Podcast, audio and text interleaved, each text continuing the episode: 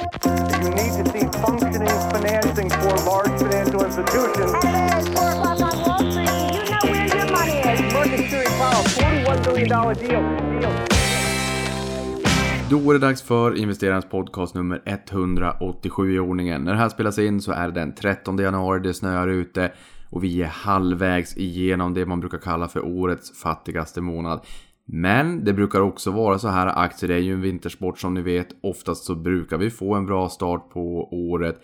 Det fick vi även i år. Man vänder blad, man ser framåt och det är ett helt oskrivet kapitel. OMXS30 steg 3,98% under förra veckan så det går inte att säga något annat än att det var en dundervecka. Och det var cykliskt primärt som drog börsen vidare norrut. Verkstad, vi har vinnarna Atlas Copco 9,72% upp, Volvo 8,93, Boliden 8,48.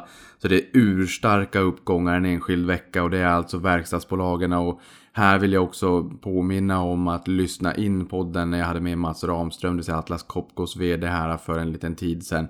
Eh, oerhört intressant att lyssna till en av eh, Stockholmsbörsens kronjuveler och ett av våra absolut största börsbolag där ute. För jag tror inte riktigt att alla har stenkoll på riktigt vad de gör och var man hittar Atlas Copcos produkter i eh, vardagen helt enkelt. Och att de eh, arbetar med både augmented reality och 3D-printing och allt vad det kan tänkas vara. Så att in och lyssna på det avsnittet, det rekommenderas varmt. Jag tyckte det var oerhört roligt att spela in det där och få en bättre bild av det här väldigt fina bolaget som också har avknoppat Epiroc inom närtid för något år sedan här. Så att där får man ju spana in Epiroc också som en, en del av Atlas Copco men som nu då står på egna ben helt enkelt.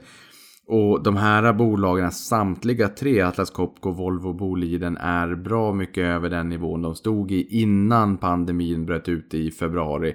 Så att de är ju på eh, rekordhöga nivåer allihopa. Värderingarna har ju dragit iväg lite grann. Men så brukar det ju också se ut innan marknaden då förväntar sig en förestående vändning. Så att innan man förväntar sig att vändningen ska materialiseras så brukar det också vara så att vi ser eh, värderingarna komma upp helt enkelt.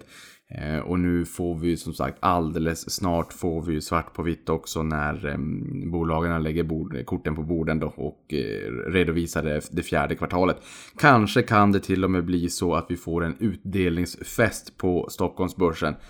Det är väl en ganska god sannolikhet att många bolag kommer att våga dela ut i högre utsträckning än under fjolåret när vi såg en masslopning av utdelningar. Det är klart banksektorn är ju mera beroende av om, om man av regulatoriska skäl får dela ut och hur mycket man får dela ut.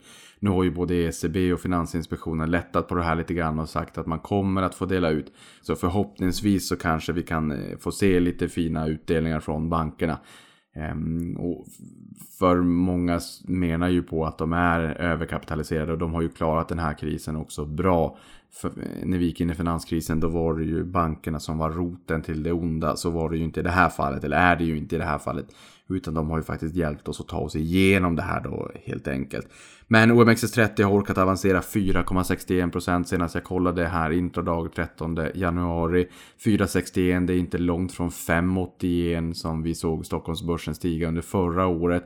Så alltså inledningen de två första veckorna av januari har vi nästan sett Stockholmsbörsen stiga lika mycket som helåret eh, 2020 då helt enkelt. Och det här, visst vän av ordning, man kan tycka att det här är en orättvis jämförelse för att från bottennivåerna så steg OMXS30 48,6%. Men eh, sen är det ju inte så att vi alla petade in alla våra kulor 16 mars heller. Så att stark start på, på året. Ehm, och sämst i indexet, eller näst sämst i indexet, inte helt i botten, där var Securitas, men näst eh, sämst är faktiskt Evolution. Småspararfavoriten som valdes in i indexet den 4 januari. Jag förstår att det är väldigt orättvist att, att utvärdera på så här kort tid, alltså blott två veckor. Och det gör jag inte heller, utan det är mer en reflektion att det är mera värdebolagen som har varit lite grann i ropet och, och de här bolagen som har haft och fortsatt har vind i seglarna har inte stigit riktigt lika mycket under året. Det säger såklart ingenting om hur det kommer se ut hela året 2021. Men just nu i inledningen så har vi ändå sett en fortsatt ehm, eh, rotation mot värdebolag och det såg vi även bland våra avansianer här under december månad också. Det började egentligen den 9 november när Pfizer-Biontechs besked om coronavaccinet kom. Då såg vi en rejäl rotation från tillväxt mot värde och mot eh, coronapandemiförlorare. Och den eh, rotationen blev så stark, pendeln slog så hårt åt andra hållet att ehm, det i slutet på månaden eh, strömmade tillbaka väldigt mycket kapital tillbaka till tillväxtaktierna och kursvinnarna under året. För att de hade fått stryka på foten så pass mycket. Så till den milda grad att det i slutet på månaden faktiskt vart de här tillväxtbolagen som ändå tog hem segern 1-0 till dem. Även om det var ganska mycket dramatik under månaden. Men sen såg vi i december månad att man på ganska bred front lämnade tillväxtbolagen och kursvinnarna. De som har haft den starkaste utvecklingen under året, ett Sinch eller Gravity exempelvis. Till att Eh, lägga in kulorna istället i eh, mera av värdebolag de bolagen som inte har fått lika höga värderingar, de bolagen som har haft det lite tufft under pandemin etc. Det är bolaget som eh, Avancianerna köpte allra mest var AstraZeneca och nu har vi också sett att de har haft en del framgångar med sitt vaccin också. Jag vet att här för bara en tid sedan så godkände man ju i Europa Modernas vaccin också. Vi har ju Pfizer Biontech som landar 26 december, börjar vaccineras 27. Nu i Europa har man även godkänt Moderna då så att då får man ju eh, mera tillgång till, till mer vaccin helt enkelt. För att vi har ju en logistisk utmaning. Eh, sen har vi också en vaccinationsutmaning såklart. Jag vet i New York så sa man att det vaccineras eh, 24-7, alltså dygnet runt. Det har jag förstått att det inte görs här. Senast jag såg från Folkhälsomyndigheten för någon dag sedan sa man att det är 80 000 personer som har vaccinerats. Och eh, jag vet faktiskt inte om eh, den trånga sektorn är eh, personal för att vaccinera eller om det är ehm, vaccindoser som är den trånga sektorn just nu. Men mera kommer såklart, det här ska ju skalas upp. Sen på tal om Atlas vill jag gärna rekommendera också att lyssna på det avsnittet där jag intervjuade Atlas Copcos vd Mats Ramström för en tid sedan. Riktigt feelgood avsnitt, ett stort bolag, ett av Stockholmsbörsens största bolag, kronjuvel men jag tror att man har inte riktigt stenkoll på allting de gör och, och vart man stöter på Atlas Copco i vardagen. Eller att de jobbar med exempelvis eh, augmented reality eller eh, 3D-printing, alltså additiv tillverkning som en del av eh, koncernen för att ta fram prototyper och eh, öka effektiviteten, minska ledtider etc. Jättespännande avsnitt. Inte minst kulturen och vad det är som gör att Atlas Copco under så lång tid har lyckats så bra. Sen vet vi också att Epiroc avknoppades och särnoterades eh, för en tid sedan som ingick i Atlas Copco tidigare. Är man lite nyfiken kan man ju också kika på, ehm, på dem då helt enkelt. Men eh, spana in eh, intervjun. Jag tycker att det är finansiell allmänbildning och då pratar jag inte utifrån mig själv utan jag pratar utifrån vad, vad Mats berättade. Men hur ska man då tänka kring den här rotationen som vi ser? För vi började se en rotation i slutet på förra året. Den fortsätter allt jämt. Och jag tycker väl att det finns ingen anledning för oss som köper och äger aktier långsiktigt att agera på något sätt. Jag kan tycka att eh, jag har själv en del värdebolag inom citationstecken i eh, portföljen. Och det är klart att där fyller jag ju på också. Det är ju trevligt att de har fått lite mer vind under eh, galoscherna, eller fart under galoscherna helt enkelt. För de har ju varit lite mer bortglömda under förra året till förmån för tillväxtbolag, techbolag etc. Så här ser vi ju att vi får en bättre balans i portföljen. Men jag tror någonstans att många sparare som har kommit in i marknaden eh, har eh, en lite undermålig riskspridning i termer av antal aktier men även i termer av olika branscher. Och det här sa jag för något avsnitt sen också att nu måste vi börja prata om aktiespararnas gyllene regler. De heter inte så längre men, men det är svårt att lära en gammal hund att sitta. Jag har lärt mig gyllene regler så jag, jag fortsätter på det spåret. Ehm, där säger man ju 10-15 aktier i 5-6 olika branscher. och ehm, det är ju inte så att alla där ute har 10-15 aktier. Sen kan man förmodligen ha aktiefonder också. Då får man en naturlig riskspridning med åtminstone 16 innehav.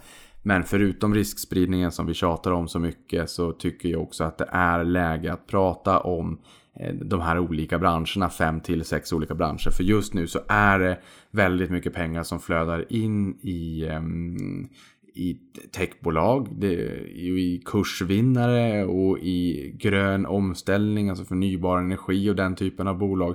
Så att och det är ju inget fel i sig, det har ju varit jättebra hittills. Men någonstans så handlar det ju också om att överleva långsiktigt på marknaden. Det handlar inte om de här stora enskilda uppgångarna under enskilda år.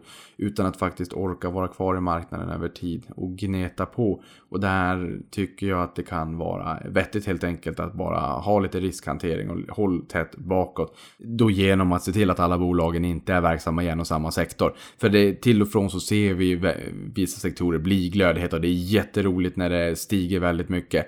Men jag tycker att eh, det är, det är bra att tänka på balansen och det är också bra att tänka på det när börsen är het, när det är ett trevligt problem och inte när börsen blir väldigt sur som det var i mars. Och när det blir ett väldigt otrevligt problem och det gör ont i magen och informationsbruset exploderar.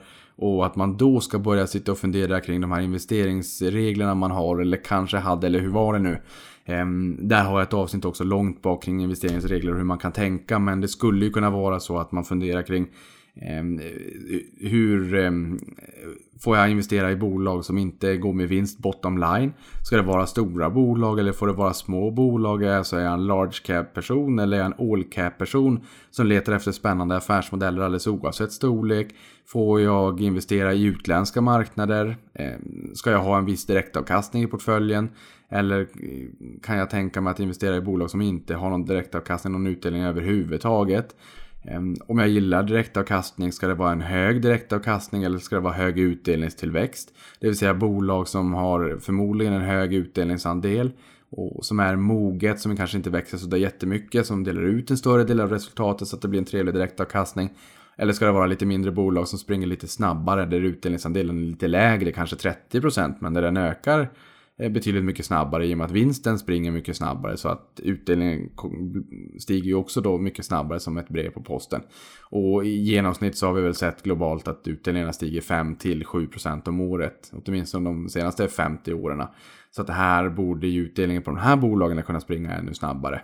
Ehm, så lite grann den typen av funderingar. Ska jag månadsspara? Eh, hur mycket kommer jag spara löpande? Hur mycket får jag ha i ett enskilt innehav? Eh, det här är ju såklart frågor som fonderna ställer sig. Fonderna får ju bara ha max 5% av en fond i ett enskilt innehav.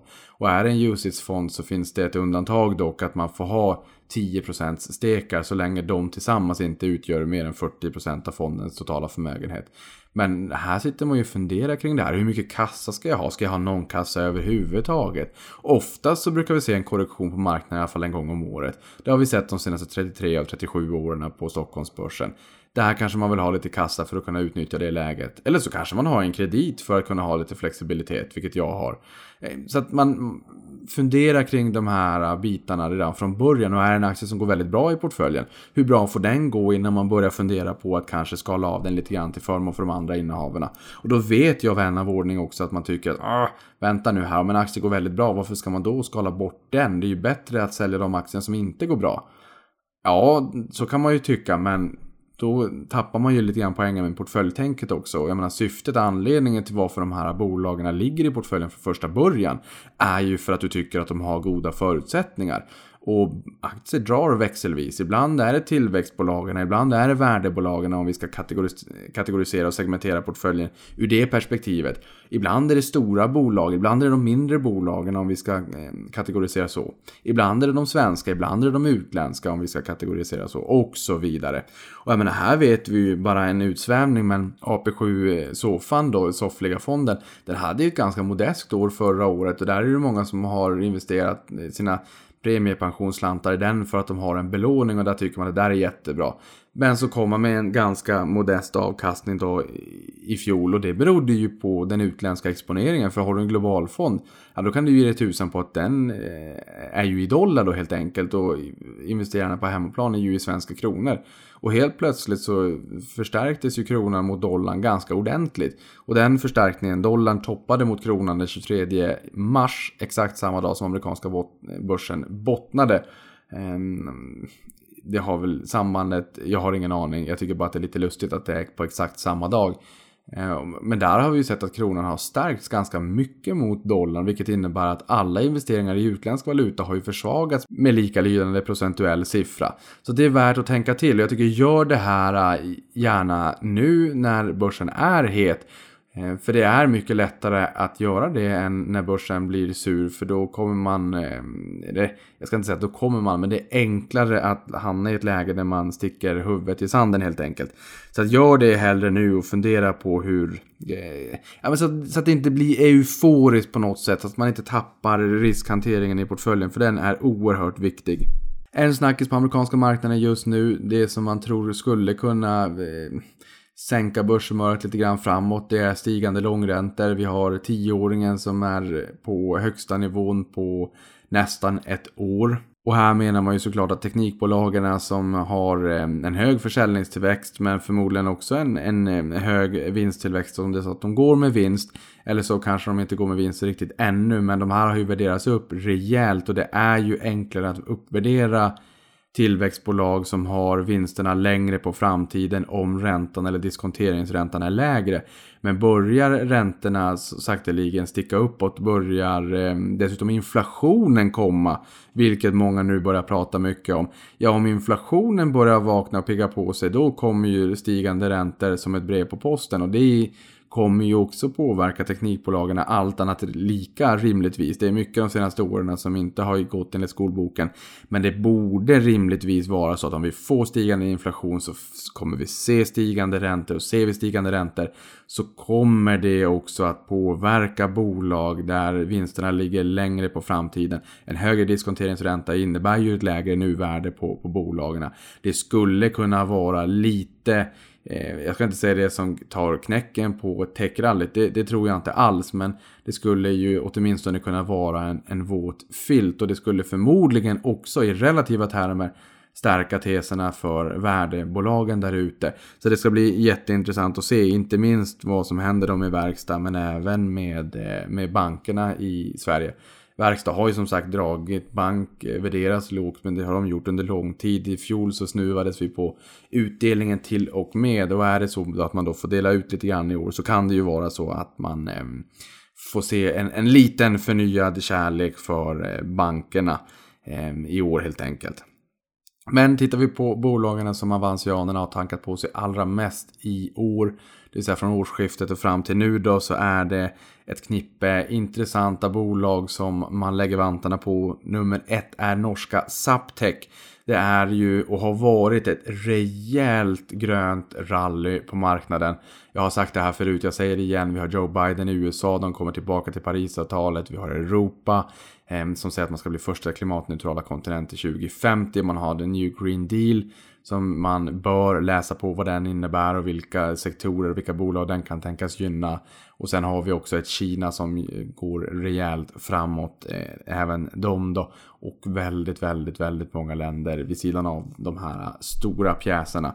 Ehm, så det här har ju fått en förnyad kärlek, förnyat intresse för eh, grön omställning, gröna bolag, förnybar energi, solenergibolag har gått enormt starkt under förra året.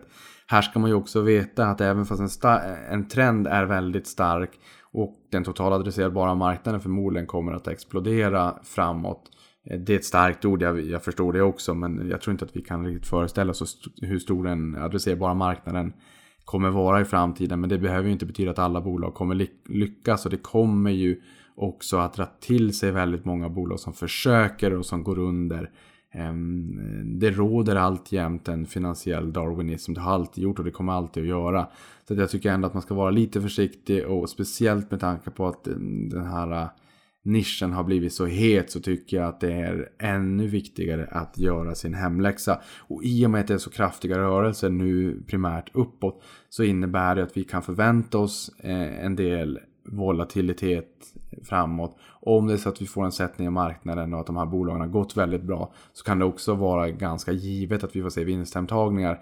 Så att man får vara medveten också om att det kan guppa till lite grann. Det, ni som var med under förra året vet ju vad eh, volatilitet innebär. Men första Saptech, andra har vi solenergibolaget Aselio i Sverige. Tredje, då går vi till USA. Då har vi ett Nio elbilar, eh, konkurrent till Tesla. Och sen fjärde, solenergi igen. Där har vi Soltech. med Anna Kinberg Batra som är också engagerad i det bolaget. Henne har ni lyssnat till i Avanza-podden när vi har gästats av henne där och pratat solenergi. Och på femte plats så hittar vi gamingbolaget Embracer som är den näst mest ägda aktien bland värmlänningarna. Jag har pratat med dem. Jag hoppas att eh, Lars Wingefors kan gästa podden här eh, i någorlunda närtid när han har vägarna förbi Stockholm. Och på tal om solenergi så inkluderades solenergibolaget Enphase i S&P 500 7 januari. På Avanza hade vi 1833 ägare dessförinnan och aktien har stigit 569% på ett år och 8 500% på tre år. Det ger någon form av känsla också för hur otroligt het den här marknaden är just nu när det kommer till förnybar energi. Det visar också på det jag har pratat i podden här om tidigare om det stora värdeskapandet som sker innan du blir ett S&P 500-bolag. Så det blir intressant att se. Vi står inför en bokslutsperiod. Då får vi också se lite grann hur de här bolagen har presterat när de visar siffrorna. Och på tal om eh, rapportsäsongen så kan vi ju säga att 18 bolag har hunnit släppa bokslut i S&P 500 100% av dem, det vill säga samtliga 18 bolag har eh, presterat över analytikernas förväntan. Det är vinsten då som kommer in över förväntan. Och exkluderar man energisektorn så är förväntansbilden på topline-tillväxten, det vill säga försäljningen då på 1,8% plus.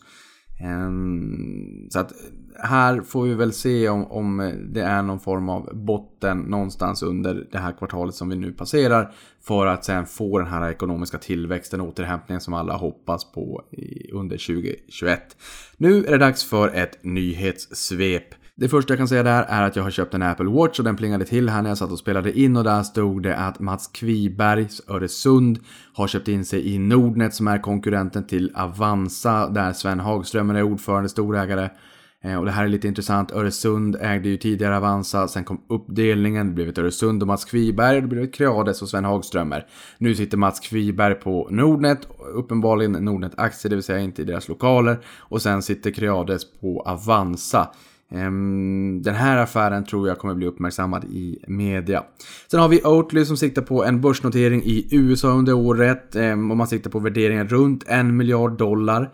Här har vi Oprah Winfrey som har investerat i bolaget också. Hon har ju tidigare varit en frontfigur för exempelvis Weight Watchers i USA. Om hon har investerat där i, det låter jag vara osagt. Jag är ganska tämligen säker på att så också var fallet.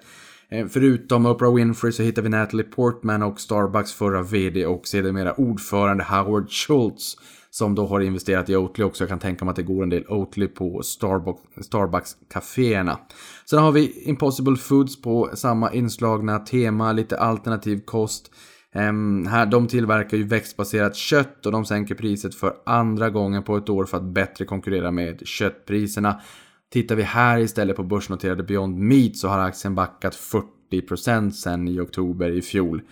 Ehm, för den som är lite mer långsiktig så kan man säga att den adresserbara marknaden tros vara värd 8 miljarder dollar 2025.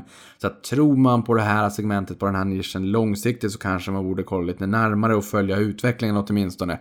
För de som var med när Beyond Meat börsnoterades så vet ni att det var en ursinnig uppgång. De var upp en 800, nästan 900% på väldigt, väldigt kort tid. Ehm, och de saknar ju en peer, en peer som hade varit lite sunt att ha en noterad konkurrent i marknaden så man kan titta på eh, deras värderingar. Man kan i och för sig titta på de onoterade värderingarna men ehm, jag, jag, tror att det kan ha varit, skulle kunna vara lite sunt med ett eh, ytterligare ett pure play på marknaden. Men Impossible Foods åtminstone är inte noterade i dagsläget. Sen har vi Roblox som ligger bakom den populära spelplattformen för ungdomar under 13 år som eh, brukar förklaras som ett eh, YouTube för spel. De drog tillbaka sina, sina noteringsplaner i slutet av förra året och det här var efter introduktionen av bland annat DoorDash och Airbnb. Där noteringarna innebar att aktierna rusade över 100%. Eh, det vill säga riktigt eh, extrema uppgångar. Och det var väl här vi började prata om också att då fundera på att eh, sprida på risken eh, sektormässigt och inte bara 10-15 aktier utan även 5-6 olika branscher i och med att det var så otroligt hett noteringsklimat. Och här backade Roblox och kände att vi vill inte lämna pengar på bordet. Vi backar, vi räknar om, vi kommer tillbaka. Och nu är de på väg tillbaka. Nu fyller de, de har fyllt på kassan med 520 miljoner US dollar. Där var värderingen 29,5 miljard. Och det är sju gånger högre värdering än februari i fjol. Ehm, så att värderingen har höjts rejält. Man kan inte säga någonting om det. Nu när de kommer tillbaka så planerar de också en direktnotering. En, en, alltså inte en vanlig traditionell IPO eller börsintroduktion där rådgivarna tar extremt mycket betalt i USA. Det handlar om eh, absurda belopp. Eh, men där man också sätter ett pris och sen så kan aktien poppa. I det här fallet över 100% då på ett DoorDash eller ett Airbnb och sen så kanske eh, ägarna känner att vi landar en massa pengar på, på bordet. Direktlistningen istället, då listar man och, och um, säljer ut dem på, på börsen. Eh, de listas direkt så att säga. Så där får ju marknaden sätta priset. Det första avslutet det sätter ju priset och sen så trycker man ut de här aktierna i marknaden. Det är till skillnad då från att, eh, från att ha ett fast pris innan introduktionen. Och här har jag också förstått att eh, 75% av amerikanska ungdomar i åldern 9 12 spelar. Eh, det är gratis att spela och Roblox har 31 miljoner dagligt aktiva användare.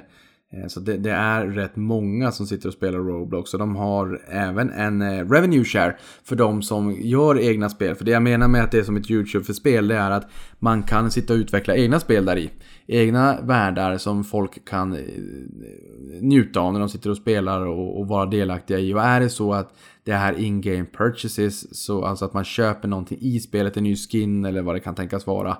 Ehm, så går 24,5% av de här slantarna till den som har, eh, har utvecklat spelet. Och det är Robux ehm, som är valutan i det här spelet då. Så att en rev share, vilket kommer att förmodligen också skapa incitament för människor att utveckla spel här som andra kan spela och spendera pengar i eh, helt enkelt. För det blir en intäkt både för Roblox och för eh, den som tillverkar, som gör spelet. Sen har vi Tesla som numera ingår i S&P 500 ju. Det är ju det femte största börsbolaget i USA efter Apple, Microsoft, Amazon och Google. Eh, de passerade eh, Facebook i veckan, eller förra veckan då. Och marknadsvärdet är 773 miljarder US-dollar jämfört med 85 miljarder US-dollar bara för ett år sedan. Och det här har ju också lett till att Elon Musk nu är världens rikaste person. Sen har vi SAS VD Rickard Gustafsson som avgår efter 10 år på posten. Det här efter att han då har accepterat att bli ny VD för verkstadsbolaget SKF. Han lämnar senast första juli och här får man också tycka att det är lite tråkig timing för eh, vi hoppas ju på den här vändningen för SAS så att de tar sig helskinnade ur det här helt enkelt. Sen har vi industrigruppen Volati som kallar till extra stämma den 2 februari där de föreslår extrautdelning på 10 kronor för stamaktien och återupptagen utdelning för preferensaktien. Utdelningen för stamaktien 1 krona och 10 öre var tilltänkt ordinarie utdelning förra året. Eh, det vill säga för räkenskapsåret 2019 då, utdelning 2020 och 8,90 är kopplat till försäljningen av Besikta. Sen har vi preferensaktieägarna som föreslås få 30 kronor och 80 öre. Det är för tre kvartal med uteblivna utdelningar plus upplupen ränta. Sen har vi Swedbank Robur som skärper sin hållbarhetsstrategi genom att exkludera investeringar i bolag verksamma inom olja och gas. Undantag kan dock göras för omställningsbolag med trovärdiga mål som linjerar med Parisavtalets mål om koldioxidneutralitet 2050. Robur är Sveriges största fondbolag nu har de alltså skärpt det här ytterligare, vilket sätter mera press och skapar en större no-go-zone för bolag verksamma inom olja och eh, gas helt enkelt. Sist men inte minst, Visa ger upp försöket att köpa fintechbolaget Plaid för 5,3 miljarder dollar efter att de har stött på patrull hos amerikanska justitiedepartementet. Jag tror att det är många som hade hoppats på den här affären. Den går om inte om stöpet. Eh, är som jag har förstått så att de kommer att fortsätta samarbeta. Men att man helt enkelt släpper försöket att köpa upp dem. Och med de orden, det var förra veckan. Stort lycka till på börsen, avkastning på dig så hörs vi igen nästa vecka.